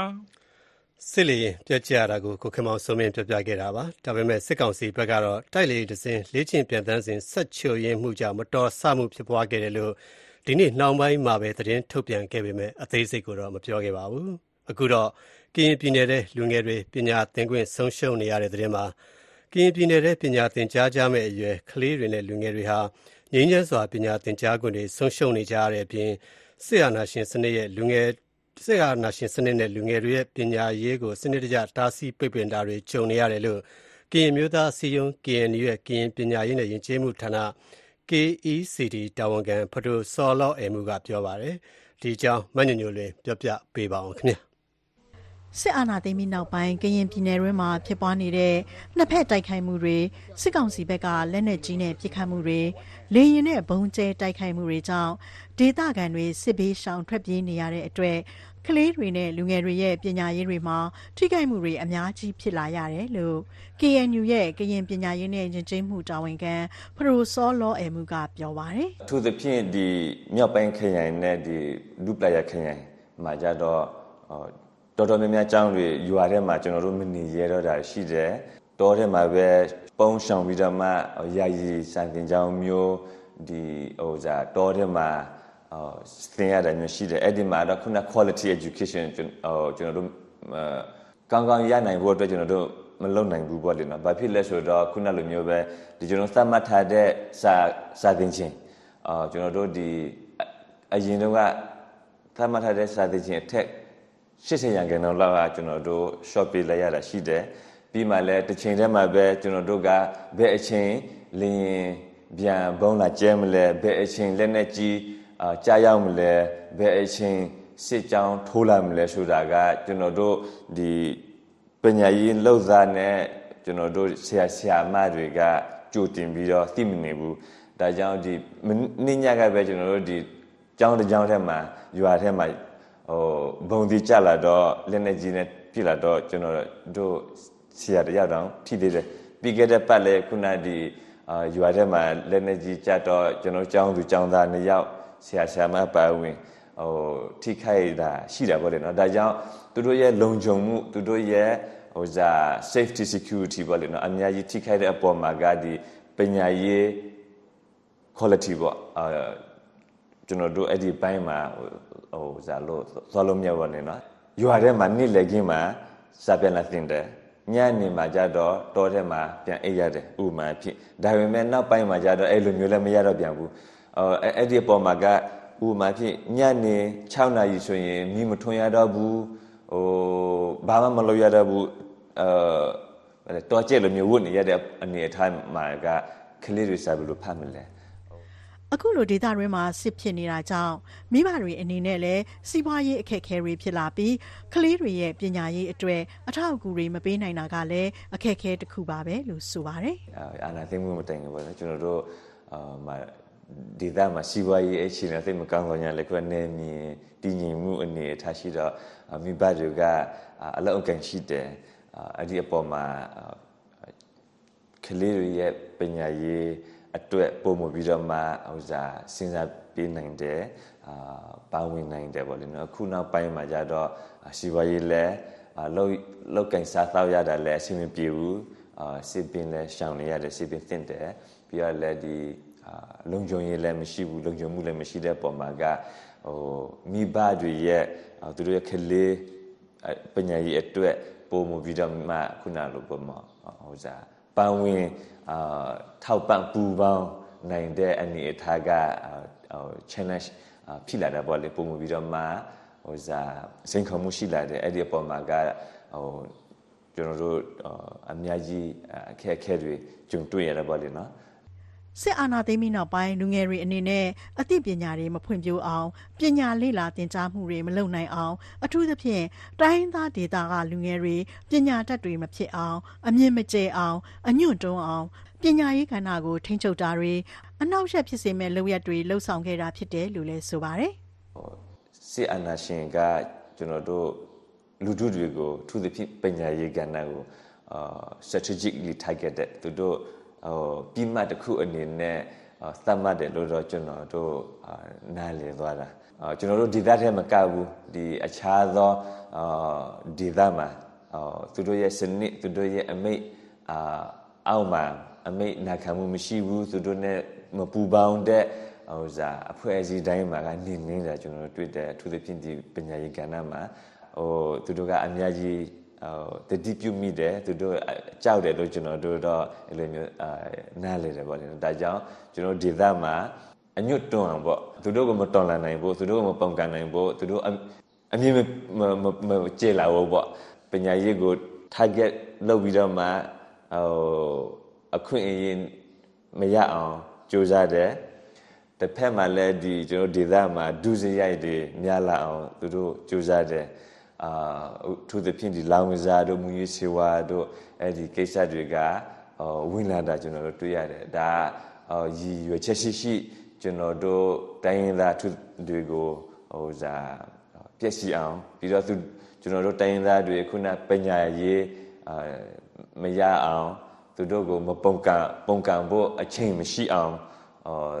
စူးစမ်းတယ်လို့ပဲကျွန်တော်တို့ကအာနားလဲတယ် ဒါကြောင့် KECD အနေနဲ့ကတော့ကရင်ပြည်နယ်တွင်းမှာသိန်းနဲ့ချီရှိနေတဲ့ပညာသင်ကြားရမယ့်အရွယ်ကလေးငယ်တွေနဲ့လူငယ်တွေအတွက်ရွေ့ရှားပညာသင်ကြားရတဲ့နည်းလမ်းတွေကိုသုံးပြီးအတတ်နိုင်ဆုံးပညာရေးအစစ်မပြတ်အောင်သင်ကြားမှုတွေပြုလုပ်ပေးနေကြပါတယ်လို့လည်းဖရိုစောလောအမှုကပြောပြခဲ့ပါတယ်ရှင်။ကျွမ်းညွညွလွင်ပါ ကရင်ပြည်နယ်ထဲစစ်အာဏာရှင်အောက်လူငယ်တွေအညွန့်တုံးအောင်ထိပညာသင်ခွင့်ဆုံးရှုံးနေရတာ KNU ပညာရေးနဲ့ယဉ်ကျေးမှုတာဝန်ခံပြောခဲ့တာကိုမညွညွလွင်ပြောပြခဲ့တာပါအခုတော့မြန်မာနိုင်ငံမှာသဘာဝရင်းမြစ်အလွန်ကျွံထုတ်လုပ်မှုအတွက်ကျွမ်းကျင်သူတွေသတိပေးနေတာပါမြန်မာနိုင်ငံမှာသဘာဝရင်းမြစ်တွေကိုအလွန်ကျွံထုတ်လုပ်နေတာကြောင့်ပတ်ဝန်းကျင်ထိခိုက်ပျက်စီးမဲ့အန္တရာယ်ရှိတယ်လို့ကျွမ်းကျင်သူတွေကသတိပေးလိုက်ပါတယ်။ရွှေကြောက်စိမ်းသစ်နဲ့မြေရှားသတ္တုစတဲ့ဈေးကွက်ရှိနေတဲ့ဒီလိုသယံဇာတတွေကို အလွန်ကျွံထုတ်ယူသုံးစွဲနေတာကြောင့်ဆိုးဝါးတဲ့နောက်ဆက်တွဲသက်ရောက်မှုတွေကျင်ဝါလိမ့်မယ်လို့ပတ်ဝန်းကျင်ထိန်းသိမ်းသူတွေကသတိပေးလိုက်တာပါ။ဒီအကြောင်းရန်ကုန်ကပေးပို့ထားတာကိုအခြေခံပြီးအလိမ္မာပြောပြပေးပါအောင်ခင်ဗျာ။ပဲခူးရိုးမတွေကကျွန်းသစ်တွေဟာတရက်ကိုကုန်ကားအစီးရေတရာကျော်လောက်ခုတ်လဲခံနေရကြောင်းပဲခူးတိုင်းကဒေသခံတချို့က VOA ကိုပြောပါတယ်။ တစ်ကိုထုတ်သူတွေဟာ ကားကြီးကားငယ်တွေနဲ့ နေ့တိုင်းတည်ယူနေပြီးတော့ မြရီနေဆက်ကတဆစ်ပြည်ပကို ရောက်ချနေတယ်လို့ ပြောပါတယ်။ဒါကို တားဆီးမဲ့သူ မရှိတဲ့အတွက် ပဲခူးတိုင်းကဒေါ်လာရင်းအင်အားစုတချို့က ဒါကိုရက်တန်နိုင်ဖို့ ကြိုးပမ်းနေကြောင်း ရိုးမစစ်ကြောင်းနဲ့တရဲတရဲ့ ဒုတရင်မှုမေးခေါကဗီဒီယိုမြန်မာပိုင်းကို ပြောပါတယ်။ဒီဇွန်အေကိုတစ်ကိုဒီကဇွန်တရဲ့ရှာလို့အဓိကထုတ်တယ်။နောက်တော့ဂိတ်လေးကေကနေပြီးတော့ မြောက်ဒီကို အဓိကပို့တာပေါ့လေအဲဒါဆို131အုတ်တွင်မိုင်ကိတ်ပေါ့ ပြီးတော့69မိုင်၄ဖာလော်ရယ်အဲ133ဖြူကိတ်ရယ်အဲမြို့ကြောင်လမ်းခွဲပေါ့ အဲ့ကိတ်တွေကအဲ့ဒီလေးကနေပြီးဒီကောင်တွေက အဓိက ဖြတ်တာပေါ့လေဒီကကျွန်းတစ်က တနေ့ကို တန်တရာလောက်ပေါ့ အနည်းဆုံး တန်တရာလောက်ကားရာချီတဲ့တနေ့လေးထွက်တာ အများကြီးဒါနဲ့ရှိထောင်နဲ့ကောင်းနဲ့ရှိတာပေါ့လေတစ်ခွဲတဲ့ အလုံး30ရောခိုင်ထားပြီးတော့ထုတ်နေတာပေါ့လေကိုကချင်ပြည်နယ်ရွှေကူမြို့နယ်နေရာအနှံ့မှာရွှေတူးဖော်တဲ့လုပ်ကွက်တွေပေါ်လာသလိုကြောက်စိမ့်တဲ့မြေရှားတပ်တုတူးဖော်မှုတွေလည်းလုပ်ကွက်တွေကျဲလာပါတယ်။ဓာတုဆေးဝါးအလွန်အကျွံသုံးစွဲနေတဲ့မြေရှားတပ်တုလုပ်ငန်းခွင်တွေကြောင့်တစ်တော်နဲ့ရေအရင်းမြစ်ပျက်စီးနေကြောင်းမြေရှားတပ်တုတူးဖော်မှုစက်ကျင်ကတ်ကွက်ရေးကော်မတီရဲ့တာဝန်ရှိသူက VOA မြန်မာပိုင်းကိုပြောပါတယ်။သူတို့အဲ ချော်ရည်သိမ့်ကန်လုပ်ဖို့ညီတူးတယ် သစ်ပင်တွေခုတ်ထားတဲ့အလုပ်သမားတွေလည်းအဆူဆူသွားနေကြတယ်ဆိုတဲ့ သတင်းတော့ ရပါတယ်။အဲဒီဆိုးကျိုးတွေလည်း မျက်မြင်ကိုယ်တွေ့ သူတို့မြင်နေရပါတယ်။အခု အစိုးရ ၂ရက်လား ၃ရက်လား အစိုးရတွေရဲ့ သူတို့ရဲ့ သဘောတရားကလည်း ဒီအချိန် ကျန်တဲ့လူတွေ ဝင်ရောက်စွက်ဖက်လို့ မရခြင်းကလည်းတဘက်ရှိလို့ ကျနော်တို့တွေလည်း ဒေသခံတွေနဲ့အတူတကွ ပါဝင်ပြီး ကန့်ကွက်တာပေါ့။ဒီကြားမကြာပေါ့နော်စည်းမဲ့ ကမ်းမဲ့ တူးဖော်ခြင်းရဲ့ ဆိုးကျိုးတွေကို သိသလောက်မှသလောက်အမြင်ခွဲပေးခြင်းတော့ ကျနော်တို့ ပြုလုပ်ပါတယ်ခင်ဗျ။”အလားတူ တနင်္သာရီ ထားဝယ်မြစ်ထဲကို စီးဝင်တဲ့ သစ်တောကြိုးဝိုင်းထဲက ချောင်းမြောင်းတွေဟာ ၁၆ မိုင်လောက်ရှိတဲ့ ရွှေလုပ်ကွက်တွေကြောင့် ပျက်စီးသွားပြီလို့ထားဝယ် Watch သတင်းဌာနက ရေးသားခဲ့ပါတယ်။ဒီကြိုးဝိုင်းသစ်တောကို ကမ္ဘာ့အမွေအနှစ်အဖြစ် စာရင်းသွင်းဖို့ ၂၀၁၈ ခုနှစ်က ကြိုးစားခဲ့ကြပေမယ့် အခုတော့ဘောလုံးကွင်း၁၃၀၀ကျော်လောက်နဲ့ညီမျှတဲ့ရွှေလုပ်ကွက်တွေနဲ့ပြည့်နေပြီလို့ပြောပါတယ်။စစ်ဖြစ်နေတဲ့နိုင်ငံမှာပတ်ဝန်းကျင်ထိန်းသိမ်းရေးကိစ္စကဦးစားပေးဖြေရှင်းရမယ့်ကိစ္စမဟုတ်ကြောင်းတချို့ကဝေဖန်သုံးသပ်ကြပါတယ်။ သဘာဝပတ်ဝန်းကျင်ထိန်းသိမ်းရေးအဖွဲ့တခုမှာပါဝင်နေသူတဦးကတော့သူ့အနေနဲ့နိုင်ငံတည်ဆောက်ရေးနဲ့သဘာဝပတ်ဝန်းကျင်ထိန်းသိမ်းရေးဒီနှစ်ခုလုံးကိုအရေးကြီးတဲ့ကိစ္စလို့မြင်ကြောင်း VOA မြန်မာပိုင်းကိုပြောပါတယ်။ယန္တရားတခုလုံးကကိုရရင်ကိုယ်စားပေါ့နော်အဲလိုပုံစံမျိုးဖြစ်နေတဲ့အခါကျတော့သဘာဝပတ်ဝန်းကျင်ကိုထိခိုက်မှာစိုးလို့ဒါတွေကိုလုပ်သင့်တယ်မလုပ်သင့်ဘူးဆိုတော့ဘယ်သူမှစဉ်းစားတော့ဘဲနဲ့ဒီအချိန်မှာငါတို့ဘာရမှာလဲဆိုတဲ့လူအုပ်ကြီးကအများကြီးပေါ့။ ဘယ်သူမှ ထိန်းသိမ်းတဲ့ဟာ မရှိတော့ဘူး။တကယ့်ကို စိုးရိမ်စရာပဲ။ဒီထက်အရေးကြီးတဲ့ ပြဿနာက ရှိသေးတဲ့အခါကျတော့ အများစုက ဒီကိစ္စတွေကို အာရုံမစိုက်ကြဘူးပေါ့နော်။ကျနော်တို့အနေနဲ့ကျတော့ဖြန်ယူသွားရမယ်လို့လည်း မြင်တာပေါ့နော်။အခြားသောအရာတွေကတော့ ပြန်ပြီးတော့ ပြုပြင်ပြောင်းလဲလို့ ရပေမယ့် သဘာဝပတ်ဝန်းကျင်က ပျက်စီးသွားပြီးရင် ပြန်ပြီးတော့ recover လုပ်ဖို့အတွက်အရမ်းခက်တဲ့ ကိစ္စတခုဖြစ်တဲ့အတွက်ကြောင့်မို့ ဒါကတော့ ကျနော့်အမြင်ကတော့ အရေးကြီးတယ်ပေါ့နော် အလုပ်အကိုင်ရှားပါးမှုနဲ့ပဋိပက္ခတွေကသဘာဝပတ်ဝန်းကျင်ကိုပျက်စီးစေတဲ့အကြောင်းရင်းတချို့ဖြစ်စေတယ်လို့သုတေသနစစ်တမ်းတွေကရေးသားကြပါတယ်။စစ်ဖြစ်တဲ့နေရာတွေမှာစည်းကပ်မဲ့သယံဇာတတူးဖော်ထုတ်လုပ်မှုတွေဆက်ပြီးရှိနေဦးမယ်လို့အများစုကခန့်မှန်းထားကြပါတယ်။မြန်မာနိုင်ငံမှာသဘာဝအရင်းမြစ်အလွန်အကျွံထုတ်လုပ်မှုအတွက်ကျွမ်းကျင်သူတွေကသတိပေးနေတာအလိမ္မာပြောပြခဲ့တာပါ။ ကြာသပတေးညရဲ့ သတင်းပေးပို့ချက်တွေကတော့ ဒီလောက်ပါပဲ။ဒါပေမဲ့ မကြာခင် ဦးအောင်ခင်ရဲ့ မြန်မာ့အရေးသုံးသပ်ချက် နောက် ကျန်းမာရေးနဲ့ တိုင်းရင်းသတင်းစဉ် အပတ်စဉ်ကဏ္ဍတွေ လာဖို့ရှိသေးတာမို့ ဆက်နာဆင်ကြည့်ရှုကြပါဦးခင်ဗျာ။ VOA အစီအစဉ်တွေကို ရေဒီယို ရုပ်မြင်သံကြားတို့အပြင် YouTube စာမျက်နှာကနေလည်း နားဆင်ကြည့်ရှုနိုင်ပါတယ်။ VOA မြန်မာပိုင်း YouTube စာမျက်နှာ လိပ်စာကတော့ youtube.com/voaburmese ဖြစ်ပါတယ်။ မင်္ဂလာညချမ်းပါတော်ရရှင်များခင်ဗျာ VOA American တန်ကနေ February လ29ရက်ကြာသပတေးညပိုင်းမြန်မာဘာသာအစီအစဉ်တွေကို American ပြည်ထောင်စု Washington DC မြို့တော်ကနေလှိုင်းဒိုမီတာ19 25 32တို့ကနေည10:00နာရီထိဆက်ပြီးတော့ဓာတ်ရိုက်ထုတ်လွှင့်ပေးနေပါတယ်ဒါအပြင် VOA ရဲ့ website Facebook နဲ့ YouTube တို့ကနေလည်းတစ်ချိန်တည်းထုတ်လွှင့်ချိန်အတွင်းဓာတ်ရိုက်ဆက်နားဆင်ကြည့်ရှုနိုင်ပါတယ် အခု ဒုတိယပိုင်းနိုင်ဝက်မှာတော့ ကြာသပတေးညတိုင်း ထုတ်လွှင့်ပေးနေကြအပတ်စဉ်ကဏ္ဍတွေကကျွန်တော်ပြောပြနေကြကျမ်းမာရေးကဏ္ဍ နောက် တိုင်းရင်းဒေသ သတင်းတောက်တွေရဲ့ တိုင်းရင်းဒေသက သတင်းလွှာ စတဲ့ပတ်စဉ်ကဏ္ဍတွေ မတိုင်ခင် အခုရင်ဆုံးတော့ဥအောင်ခင်ရဲ့ မြမရေး သုံးသက်ချက်ကို ပထမဆုံး နားဆင်ကြည့်ရှုအောင်ပါ ဒီတစ်ပတ်မှာတော့ ကရင်နီ စစ်မျက်နှာသစ်ဆိုတဲ့ ခေါင်းစဉ်နဲ့ သုံးသက်ထားပါတယ် ကရင်နီပြည်နယ်မှာ တော်လိုင်းအင်အားစုတွေအလုံး ပူးပေါင်းဆောင်ရွက်နိုင်တာကြောင့် ဂျာကာလာအစိုးရဖွဲ့စည်းနိုင်တဲ့အခြေအနေရောက်လာပြီးစစ်စင်ရေးတိုးမြင့်နိုင်ပုံကိုဥအောင်ခင်ကရေးသားပြီးကိုညံဝင်းအောင်နဲ့အတူပြောပြထားတာကိုတဝါကြီးနားဆင်ကြည့်ရှုကြပါအောင်ခင်ဗျာ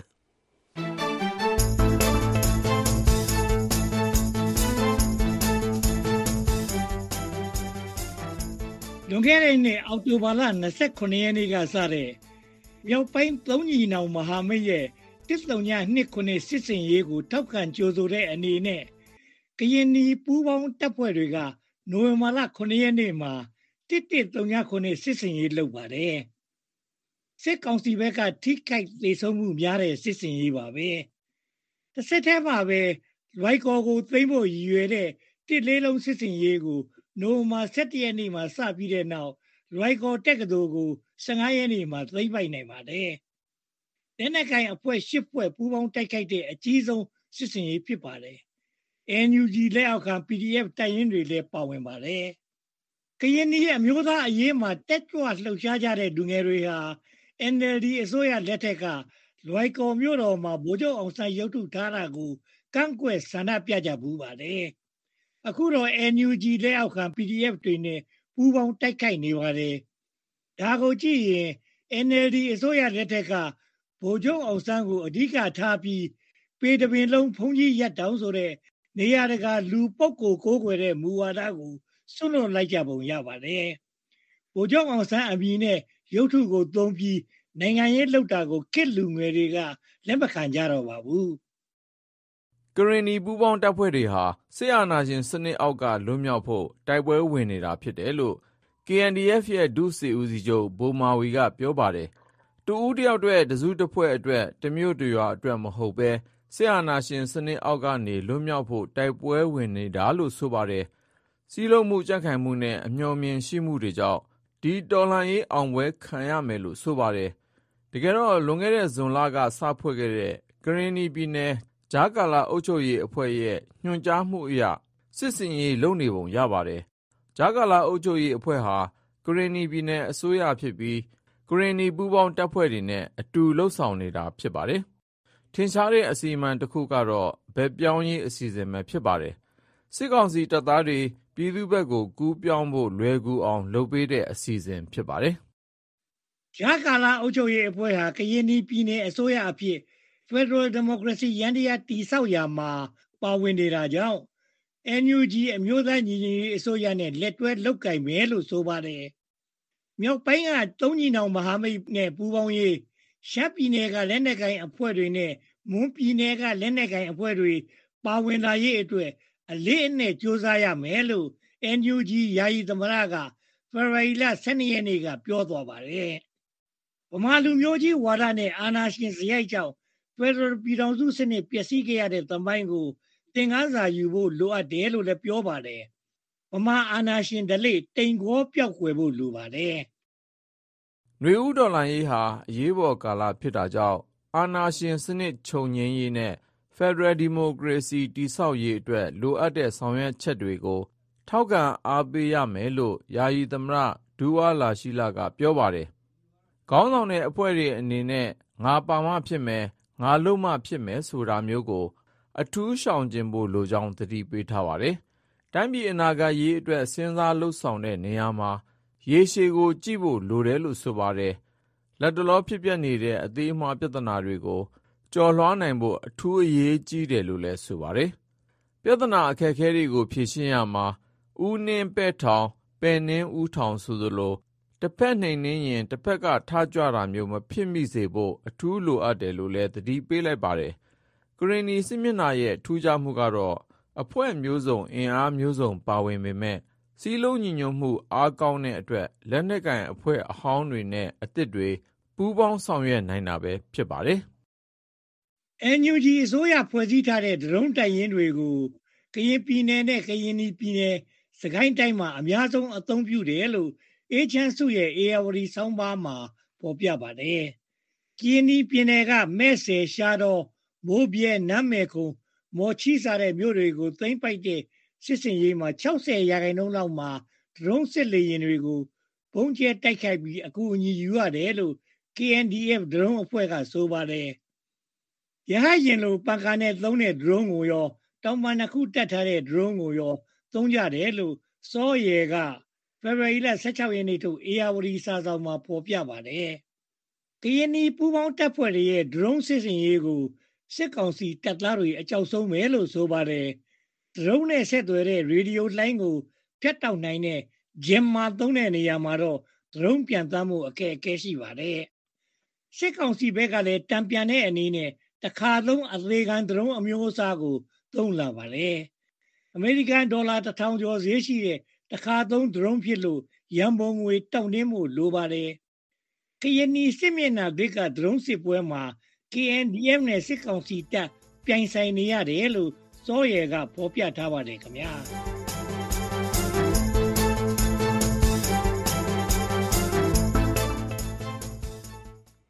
ပုဂ္ဂိုလ်ရေးခေါင်းဆောင်မှုထက် အဖွဲ့ပေါင်းစုံ ခေါင်းဆောင်မှုပုံစံသစ်နဲ့ ကရင်နီစစ်မျက်နှာသစ် အားကောင်းလာတာကို ဦးအောင်ခင်ရဲ့ မြန်မာရေး သုံးသက်ချက်မှာ နားဆင်ကြည့်ရှုခဲ့ရတာပါ။အခုတော့ အပတ်စဉ် ကျန်းမာရေးကဏ္ဍပါ။ဒီတစ်ပတ်မှာတော့ ပြည်သူ့စစ်မှုထမ်းဥပဒေနဲ့ ပြည်သူ့စိုးရိမ်ထိတ်လန့်မှုကို ပြောထားပါတယ်။ ဒီစစ်မှုထမ်းဥပဒေ အခုလာတဲ့ထွက်လာပြီး လူငယ်တွေနဲ့ မိဘတွေအပါအဝင် မိသားစုအများ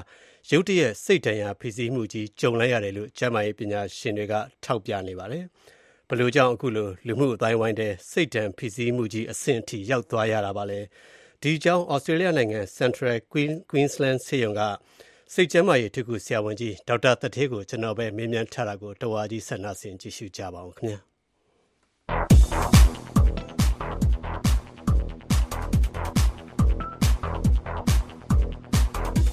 ဟုတ်ကဲ့အထူးကုဆရာဝန်ကြီးဒေါက်တာတထေးခင်ဗျာကျွန်တော်တို့မြန်မာနိုင်ငံထဲမှာစစ်ပွဲတွေကပိုကျက်ပြန့်ပြင်းထန်လာတဲ့အချိန်မှာပဲဒီစစ်မှုမထမ်းမနေရဥပဒေပေါ့နော်ထုတ်ပြန်အပြီးမှာပြည်သူတော်များများပေါ့ဆရာရဲ့စိတ်ပို့ပြီးတော့ဟိုကြီးကြီးမားမားဖီစည်းလာပြီးတော့တချို့လူငယ်တွေဆိုလို့ရှိရင်ဒီစိုးရိမ်ထိတ်လန့်တဲ့အထိကိုဖြစ်နေတာကိုကြားလို့ဆရာကြီးဒီအချိန်လေးကိုစိတ်ပိုင်းဆိုင်ရာဘယ်လိုရင်ဆိုင်သင့်တာကိုအဓိကပြောမှာမို့ ဘာကနေစပြီးတော့ရှင်းပြခြင်းလဲဆရာကြီးဟုတ်ကဲ့ဒီစစ်မှုထမ်းဥပဒေကတော့ကျွန်တော်တို့တနိုင်ငံလုံးမှာရှိတဲ့အလှော်အသီးသီးဟိုလူငယ်တွေကိုအထူးသဖြင့်ပေါ့နော်အဲတက်လက်ပိုင်းတွေလည်းပါတယ်ခင်ဗျအားလုံးကိုဒီ impact ပေါ့ဒီတော်တော်လေးကိုကြရက်ရိုက်သွားတဲ့ကိစ္စကိုဒီနှစ် February လပေါ့မှတ်မှတ်ရရအာနာသိန်းတာ3နှစ်တင်းတင်းပြည့်သွားတဲ့အချိန်မှာထွက်လာတယ်ခင်ဗျအဲကျတော့ကို့အလို့ကိုလုံနေတယ်လူငယ်တွေကို့တလန်းကိုရှားနေတယ်ကို့ပညာကိုသင်နေတယ် နိုင်ငံခြားထွက်စရာရှိတာလည်းထွက်တယ်ပြန်ဝင်ရင်လည်းဝင်မယ်အဲ့လိုမျိုးတိုးတက်ရာတိုးတက်ချောင်းလုပ်နေတဲ့လူငယ်တွေရဲ့အနာဂတ်ကိုအတင်းကာရောပေါ့နော်စစ်မှုမထမ်းမနေရဆိုတာကိုဥပဒေနဲ့ထုတ်လိုက်တဲ့အခါကျတော့တကယ်ကိုကျွန်တော်တို့တိုင်းပြည်တစ်ခုလုံးကိုဒီပြည်သူပြည်သားတွေအားလုံးကိုလူငယ်တွေရောသူတို့မိဘတွေရောဆွေမျိုးတွေရောမိတ်ဆွေတွေရောဒါတကယ်ကိုအစိုးဘက်ကနေတက်ရောက်မှုကြီးလို့မြင်တယ်ဆိုတော့အဲ့ဒီကနေစပြီးတော့မှကျွန်တော်လေ့လာကြည့်လိုက်တဲ့အခါကျတော့ မိသားစုတော်တော်များများခြေမကင်မိလက်မကင်မိဖြစ်ကုန်တယ်ဒီတချို့ဒီလူငယ်လေးတွေရှိတယ်မိဘတွေဆိုရင်ကြောက်လန့်တကြားစောက်တရားမရကိုဖြစ်ကုန်တယ်ဆိုအမှန်ကတော့ဗျာဒီလိုဥပဒေကကျွန်တော်တိုင်းတစ်ပါးကနေကျူးကျော်လာတဲ့အချိန်မှာကိုယ်နိုင်ငံကိုကာကွယ်ဖို့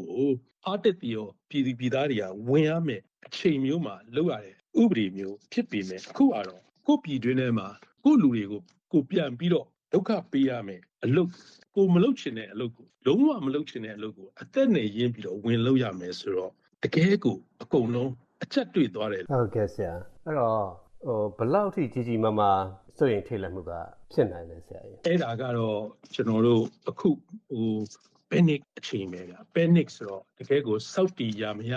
ဒီတောကတွေငယ်ရိတ်တက်တဲ့အချိန်ပဲပြီးရင်လဲပိုဆိုးမလားဆိုတာလူတွေက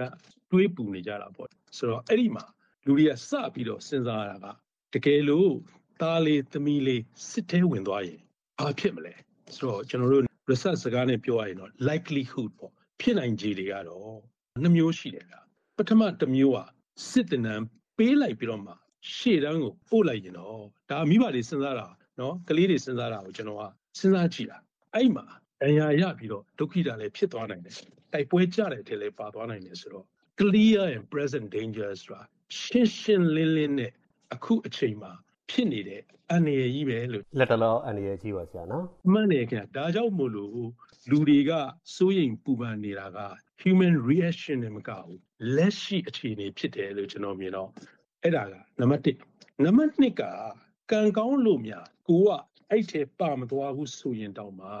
အကုသို့အလုပ်တွေလုပ်ရမယ်အလုပ်ကြီးဆိုတာကိုချက်ချင်းမြင်တယ်ဗျဥပမာ ဒီကလေးတွေကိုအညာဒေသများအင်ဂျီပေါင်းသသိန်းနီးပါးဗျ9000 8000မီးရှို့ခံရတဲ့နေရာအဲ့ဒီမှာဒီကလေးတွေကကိုမလုပ်ချင်တဲ့အလုပ်တွေရွာတွေမီးရှို့ရမယ်ရက်ရက်ဆက်ဆက်ဆိုတော့တကယ်ကိုတော်တော်ကိုကြောက်စရာကောင်းတဲ့အလုပ်မျိုးကိုဝင်လုပ်ရမယ်ဆိုတော့ကျွန်တော်ကိုချင်းစာပါတယ်ဗျာဟုတ်ကဲ့ဆရာကြီးအဲ့တော့အခုလိုအလားအလာအတွေ့အကြုံမျိုးပေါ့နော်အရင်ကြုံခဲ့ဖြစ်ခဲ့မှုတဲ့အနေအထားမျိုးပေါ့အခုအနေအထားကိုရှင်းသွားအောင်ဆရာရှိခဲ့လားနိုင်ငံတကာမှာတော့အင်အားကြီးနှစ်နိုင်ငံ ပထမဆုံးခေါင်းထဲရောက်လာတာကရုရှားမှာအဲ့လိုပဲလူငယ်တွေကိုဒီ compulsory ပေါ့နော်မဝင်မနေရစစ်မှုထမ်းခိုင်းတာကျွန်တော်တို့အခုဥပဒေလိုပဲဆိုတော့အဲ့ဒီမှာရုရှားမှာရာဇဝင်ပြန်ကြည့်လိုက်ဗျာအာဖဂန်မှာလည်းတထောင်ခွဲလောက်တည်သွားတယ်ရုရှားစစ်သားတွေနောက်ပြီးတော့အခုဆိုရင်ကျွန်တော်တို့ယူကရိန်းမှာအများကြီးတည်တော့အတင်းကိုသူတို့ကရှေ့တန်းကိုကလေးတွေပို့တော့ရုရှားကလေးတွေကထွက်ပြေးနေတယ်ရှောင်နေတယ်ဒုတိယကတော့ကျွန်တော်တို့ငယ်ငယ်တုန်းက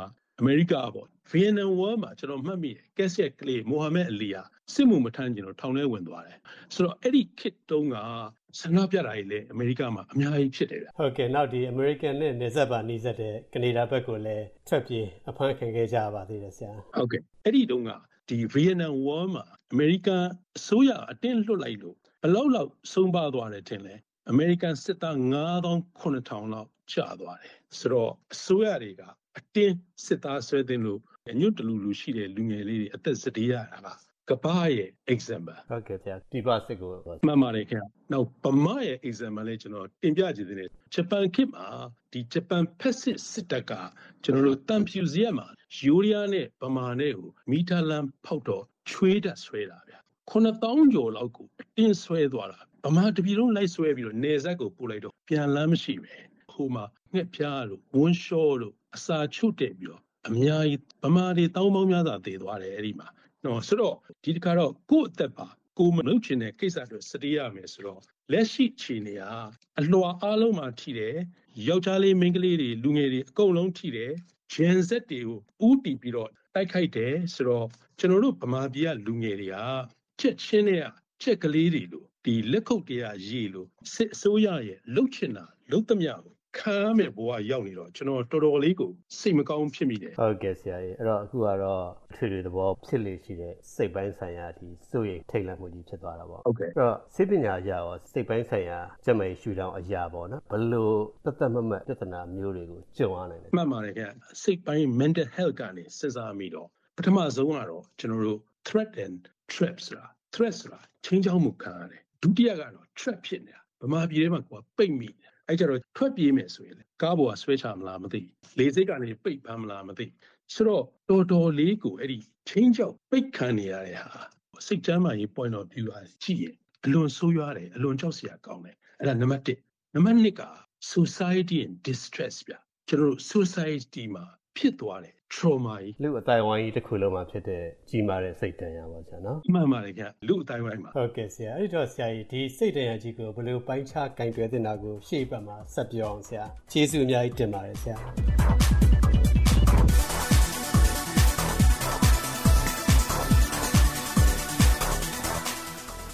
ပြည်သူ့စစ်မှုထမ်းဥပဒေအောက်ပြည်သူ့စိုးရိမ်ထိတ်လန့်မှုကြီးဖြစ်သွားရတာကိုကျွန်တော်ပြောပြခဲ့တဲ့ကျန်းမာရေးကဏ္ဍမှာနားဆင်ကြည့်ရှုခဲ့ရတာပါအခုတော့ အပတ်စဉ်ပြောပြနေတဲ့ တိုင်းရင်းဒေသက သတင်းလွှာအစီအစဉ်မှာ ကချင်ဘက် ဖားကန်နာကရဲစခန်းတစ်ခု KIA ကချင်တပ်က သိမ်းလိုက်တာနောက်ရှမ်းပြည်နယ်မြောက်ပိုင်းမှာ နောက်ထပ်2မြို့နယ်စေအုပ်ချုပ်ရေး ထပ်ကြီးညာလိုက်တာ ချင်းဘက်မှာတော့ကြာဆုံးသွားခဲ့ရတဲ့ CNDF ချင်းတပ်ဒူဦးစီးချုပ်အလောင်း ပြန်မရပဲမိရှုဖျက်ဆီးခံလိုက်ရတာ အပါအဝင် တိုင်းရင်းသတင်းတွေကို ပြောပြထားပါတယ် ဒီအစီအစဉ်ကိုတော့ FEVR လို့ အတူကောက်ခေါ်တဲ့နေဆက်ဒေတာတိုင်းရင်းသတင်းတောက်ဝန်တော်သားအဖွဲ့က တင်ဆက်ပေးထားတာမို့ တဝါကြီးဆက်နာဆင်ကြည့်ရှုကြပါအောင်ခင်ဗျာ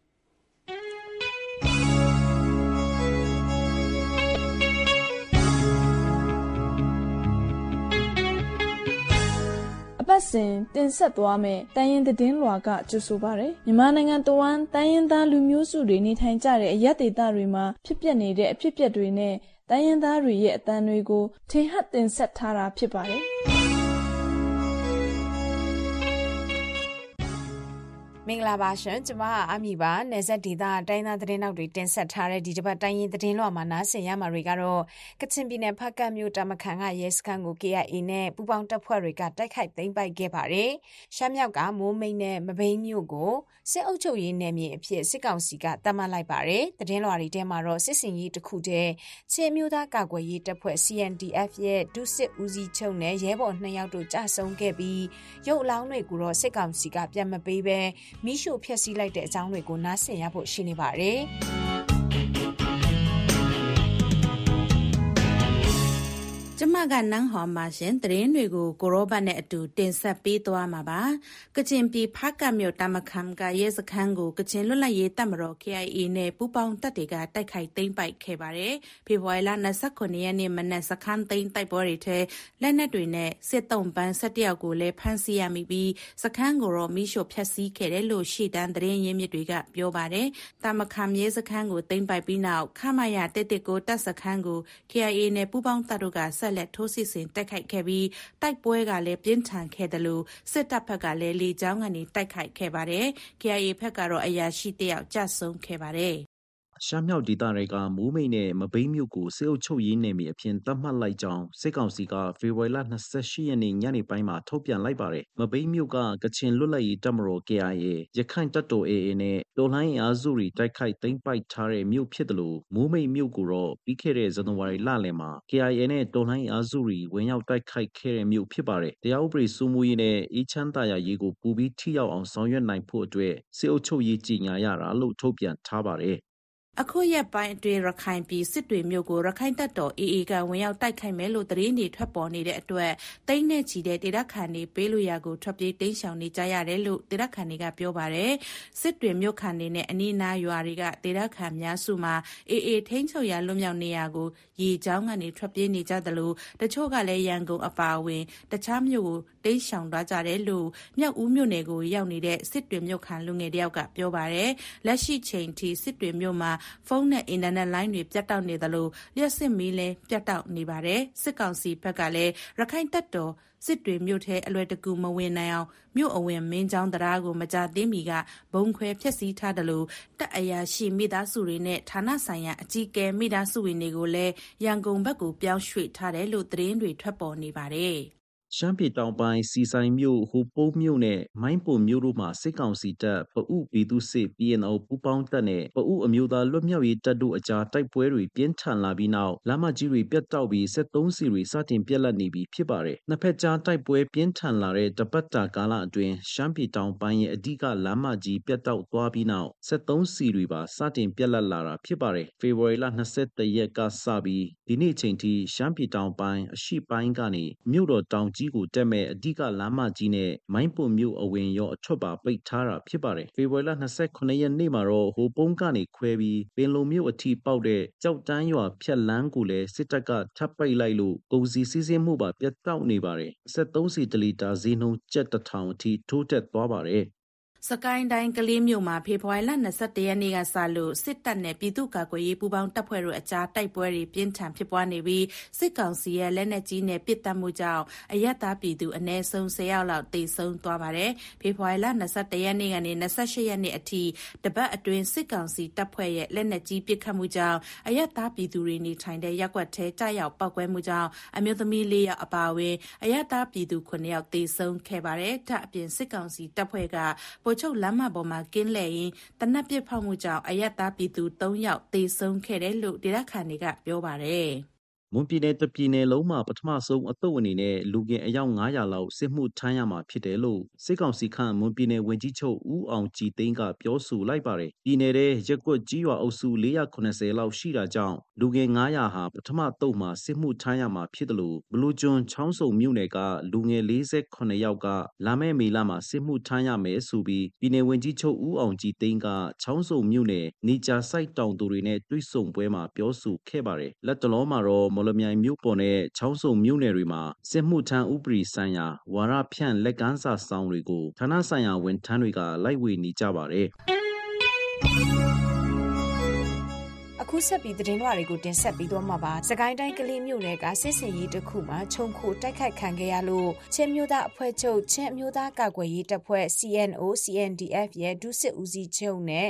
ရဲဘော်နှစ်ယောက်တို့ကြာဆုံးခဲ့ပြီးရုပ်လောင်းတွေကိုစစ်ကောင်စီကပြန်မပေးဘဲမိရှုဖျက်ဆီးလိုက်ကြပါတယ်ကိုရောဘတ်ကစူးစီးထားပါတယ် CNO CNDF ဒုစစ်ဦးစီးချုပ်စလိုင်းဒေးဗစ်နျူခေါ် ဂျိုရှွာဟာကိုရန်တော်ရဲဘော် နှစ်ယောက်နဲ့အတူ ဖေဖော်ဝါရီလ23ရက်နေ့က ကလေးမြို့နယ်တောင်ပိုင်း မန်တောနဲ့ အောင်သားရရွာကြားမှာ စစ်ကောင်စီနဲ့ပြူစောထီးတွေရဲ့ ခြုံကိုတိုက်ခိုက်မှုခံရတာကြောင့်ကြာဆုံးသွားခဲ့တာလို့ CNO CNDF ပြောရေးဆိုခွင့်ရှိသူစလိုင်းကျုံငိုင်းက ပြောပါတယ်20ရက်နေ့ညမှာဒီအဲ့နားမှာရှိကျွန်တော်တို့အဲတရင်တကူပေါ့တပည့်မြောက်နဲ့တွားတယ်တွားတဲ့အခါကျတော့ ရဲဘော်တွေကြောက်တွဆိုပြီးတော့23မိနစ်မှာ ပြန်လာတဲ့အချိန်မှာအာတရင်ထွက်ပြီးတော့ အောင်သားရကြီးရွာရောက်မှ သူကဝိုင်းခံရပြီးတော့ သူကအာပြစ်ခတ်မှုဖြစ်ပြီးတော့အာကြာသွားတာပါ သူကဆိုင်ကယ်ဒီနဲ့ လူတော့ဆိုတော့လေအာဆိုင်ကယ်တော့နဲ့ဆန်းပြတယ်ဆိုတော့ဘက်ကလည်းအများများတော့လေအာကြောင့်အာပထမဆုံးတော့ သူတို့ဟိုပါပေါ့ရချလေးဒီလူစီချုံနဲ့သူတပည့်တယောက်ရချလေးကိုဖြည့်ရကြတယ် ရင်ဖြည့်ပြီးတော့အိုင်မင်းလေးကြောရဲမီကိုတော့ဒီချောက်မှာဖြည့်ပြီးတော့ အဲ့လိုဖြည့်ပြီးမှပြစ်တက်ခံရတယ်လို့ ကြားတယ်တော့လုံးမရှိပြတာလူစီဦးစီးချုပ်နဲ့အတူကြာဆုံးသွားတဲ့ ကိုရန်တော် နှစ်ယောက်ကတော့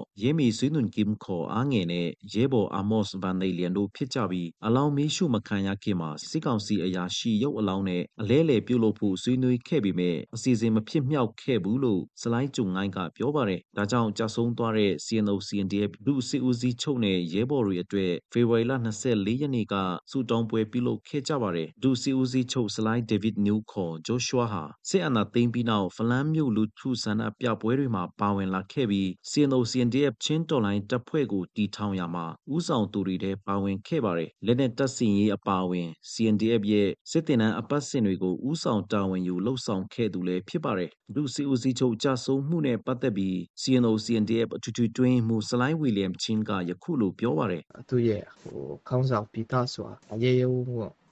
မုံမြတ်စွာတက်ပြီးသွားတဲ့အတွက်ကြောင့် ဒါကျွန်တော်တို့အနေနဲ့နောက်ဆုံးတဲ့စိတ်သက်ကြတဲ့ဘိုက်ထက်ပူပြီးမှကျွန်တော်တို့ VCS နဲ့ကြာဆုံးသွားတဲ့ရဲဘော်အားလုံးအတွက်ကိုဒါပူပြီးမှပြင်ဆင်မှုကောင်းစွာနဲ့ကျွန်တော်တို့ဆက်လက်ပြီးမှတိုက်ပွဲဝင်သွားမယ်ကျွန်တော်တို့အကောင်းဆုံးနဲ့ဟိုပြန်လာခဲ့ပါမယ်ကျင်းမျိုးသားဖွဲ့ချုပ် CNO CNDF ဟာဖလန်မြို့နယ်နဲ့ကလေးကဘော်ဒေသအတွင်းအခြေဆိုင်လှုပ်ရှားနေတဲ့ချင်းလက်နက်ကင်တပ်ဖွဲ့တစ်ခုဖြစ်ပြီးဒေါ်လိုင်း3နှစ်တာကာလအတွင်းမှာဒေါ်လိုင်းရဲဘော်30ကျော်ကြာဆုံးခဲ့ပြီလို့ဆိုပါတယ်ဖေဖော်ဝါရီလ23ရက်နေ့ကလည်း ကလေးမြို့နယ် စက္ကန့်ရွာတိုက်ပွဲမှာ CNO CNDF ရဲဘော်စလိုင်းမောင်ပူလည်းကြာဆုံးခဲ့ပါတယ်ခင်ဗျာ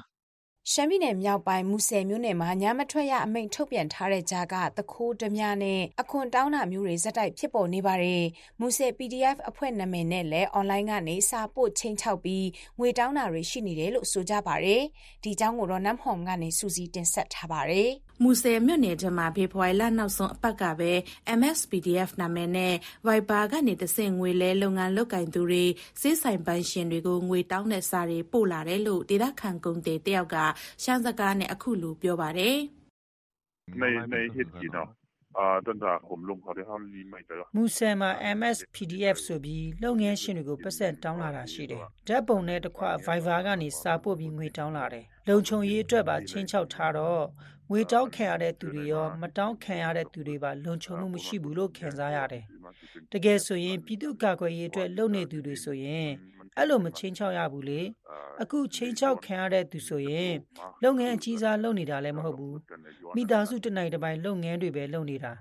အဲ့လိုတွေကြောင့်ပြည်သူလူထုခက်ခဲကုန်ပြီ အဲ့ဒီငွေတောင်းစာထဲမှာ ငွေတောင်းခံရသူရဲ့တပ်ပုံနဲ့ ဖုန်းနံပါတ်တွေပါ ထည့်ထားသလို လုပ်ငန်းပေါ် မူတည်ပြီးတော့မှငွေကျပ်350ကနေ ကျပ်300ကြား တောင်းနေတာ ဖြစ်ပါတယ် တောင်းတဲ့ငွေကို မပေးရင်တော့ နောက်ဆက်တွဲ ဖြစ်ပေါ်လာမယ့် ပြဿနာတွေကို တာဝန်မယူဘူးလို့လည်းချင်းချောက် ရေးသားထားပါတယ်။ငွေလွှဲပေးဖို့အတွက် ဆက်သွယ်ရမယ့် ဖုန်းနံပါတ်ကိုလည်း ထည့်ထားပါတယ်။ MSPDF နာမည်နဲ့ အခုလို တောင်းလာပေမဲ့ တကယ်ဟုတ်မဟုတ်ကိုတော့ မသိရသေးပါဘူး။ဒါ့အပြင် ညမထွက်ရအမိန့် ထုတ်ထားတဲ့ မူဆယ်မြို့မှာ စစ်သားတွေနဲ့ ရဲတွေက ကားတွေ ဆိုင်ကယ်တွေနဲ့တွာလာနေတဲ့ကြားကပဲတခိုးတပြတွေလည်း ပေါ်လာနေတယ်လို့ ဆိုပါတယ်။မူဆယ်မြို့မှာ TNL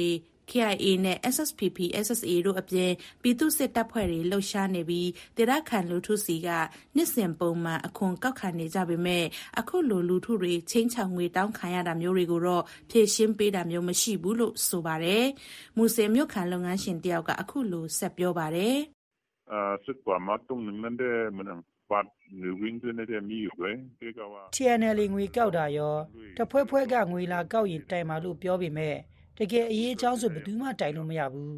လူတို့ကတော့ကြောက်ကြောက်နဲ့ပေးလိုက်ရတာကြီးပဲအခွန်တွေတော့လာကောက်ကြတယ်လုံခြုံရေးတော့ဘယ်သူမှမပေးဘူးလက်နက်ကင်အဖွဲ့အစည်းတွေရောပြည်မဖက်ကလာတဲ့ရွှေ့ပြောင်းအလုပ်သမားတွေအပြင်တရုတ်နိုင်ငံကလုပ်ငန်းရှင်တွေလည်းများပြားလာတဲ့မြန်မာတရုတ်နယ်စပ်ကုန်သွယ်မြို့ဖြစ်တဲ့မူဆယ်မှာပြစ်ခတ်မှုတွေတပ်ဖြတ်မှုတွေပြန်ပေးဆွဲတာတွေတပြတိုက်တာနဲ့ခိုးယူလူရက်ခံရတာတွေနေ့တိုင်းလိုလိုဖြစ်နေပါတယ် ပြီးခဲ့တဲ့လကလည်းစစ်ကောင်စီရဲ့မြို့နယ်အုပ်ချုပ်ရေးပိုင်းဆိုင်ရာအဖွဲ့ဝင်အကြီးအကဲတယောက်အိမ်ကိုအမျိုးသားလေးယောက်ကဝင်ရောက်တပြတိုက်ခဲ့လို့မိခံတက်တာနဲ့ကားတစ်စီးပါသွားခဲ့ပါတယ်။အခုဆက်ပြီးသတင်းအချင်းချုပ်ကိုနားဆင်ကြရမှာပါရှင်။ကချင်ပြည်ဖားကမြို့တာမခမ်ကရဲစခန်းကို KIA နဲ့ပူပေါင်းတပ်ဖွဲ့တွေကတိုက်ခိုက်သိမ်းပိုက်ခဲ့ပါတယ်။ရှမ်းမြောင်မိုးမိတ်နယ်မဘိမ်းမြို့ကိုစစ်အုပ်ချုပ်ရေးနယ်မြေအဖြစ်စစ်ကောင်စီကတတ်မှတ်လိုက်ပါတယ်။ တော်ရရှင်တွေအခုနားဆင်နေကြကြတာကတော့နေဆက်ဒေတာကတိုင်းသားသတင်းနောက်တွေကနေအပတ်စဉ်တင်ဆက်ပေးနေတဲ့တိုင်းရင်သတင်းတော်ပဲဖြစ်ပါတယ်။နောက်သတင်းပတ်အစည်းအဝေးမှာပြန်ဆုံကြရအောင်ပါရှင်။ကျွန်မအာမီပါ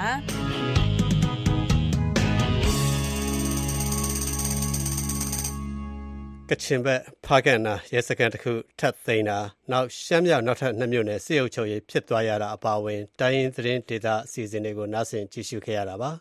အခုလိုပတ်စဉ်ကဏ္ဍတွေ ပြီးမှတော့ VOA ရဲ့ချက်သားရင်းည အစီအစဉ်တွေဆုံးမသက်ခင် သတင်းအချင်းချုပ်မဆုမြတ်မွန်ပြောပြပေးပါအောင်ခင်ဗျာ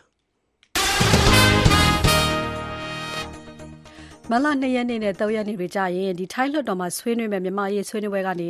လူအခွင့်ရေး ဆိုးဆိုးဝါးဝါချိုးဖောက်နေတဲ့ မြန်မာစစ်တပ်ကိုဒီထိထိရောက်ရောက်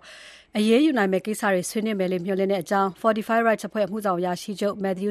Smith ကပြောကြားပါတယ်။ထိုင်းလွှတ်တော်ထဲမှာ မြန်မာရေးဆွေးနွေးတာမျိုးတိတ်ကိုထူးကြတယ်လို့ VOA မြန်မာပိုင်းကို သူကပြောပါတယ်။စစ်တပ်ရဲ့ ဆိုးဝါးတဲ့ ကျူးလွန်မှုတွေအကြောင်းတွေမကအထီးအတွက်အပြေရှာဖို့အတွက်ထိုင်းလွှတ်တော်ထဲမှာ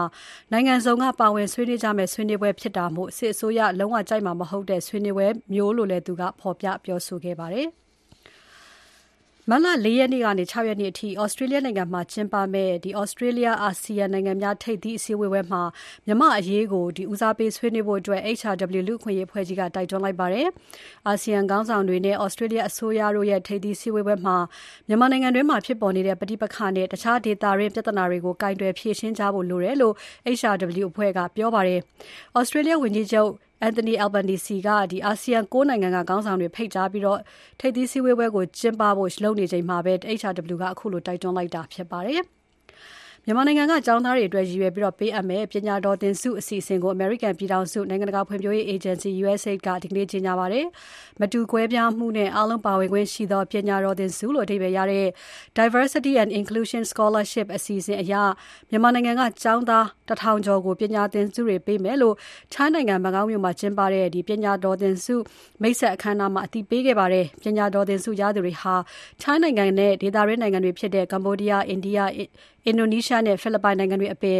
အမေရိကန်ပြည်ထောင်စု Arizona တက္ကသိုလ်ရဲ့ online စနစ်ကနေလည်း ပညာသင်ကြားခွင့်တွေ ရရှိကြမှာဖြစ်ပါတယ်ရှင်။ကျေးဇူးပါမဆုမြတ်မိုးရင်အခုလို သတင်းချင်းချုပ်ပြီးမှတော့ ဒီညချတာရင်းညရဲ့ VOA အစီအစဉ်တွေ ဒီမှာပဲ ပြီးဆုံးသွားပါပြီ။ဒီညအစီအစဉ် ထုတ်လွှင့်မှုကအလိမ္မာပါ။စပိုင်းဆိုင်ရာ ရုပ်သံအင်ဂျင်နီယာတွေကတော့ရှောင်းကန် Channel Robert Bus တို့ဖြစ်ပါတယ်။ဒီညအစီအစဉ်မှုကကျွန်တော်ဝင်းမင်းပါ။ VOA ကို အခုလို နားဆင်ကြည့်ရှုအားပေးခဲ့ကြလို့ အားလုံးကို အထူးပဲ ကျေးဇူးရှင် ကျေးဇူးတင်ပါတယ်သောရရှင်များနဲ့တကွ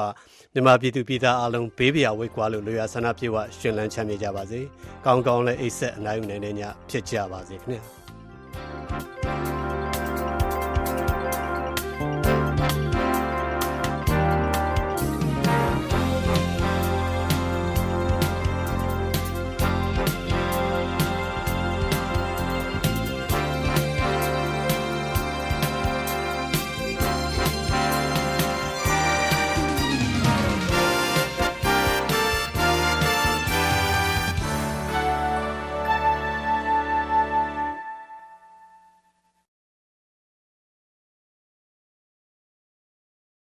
This program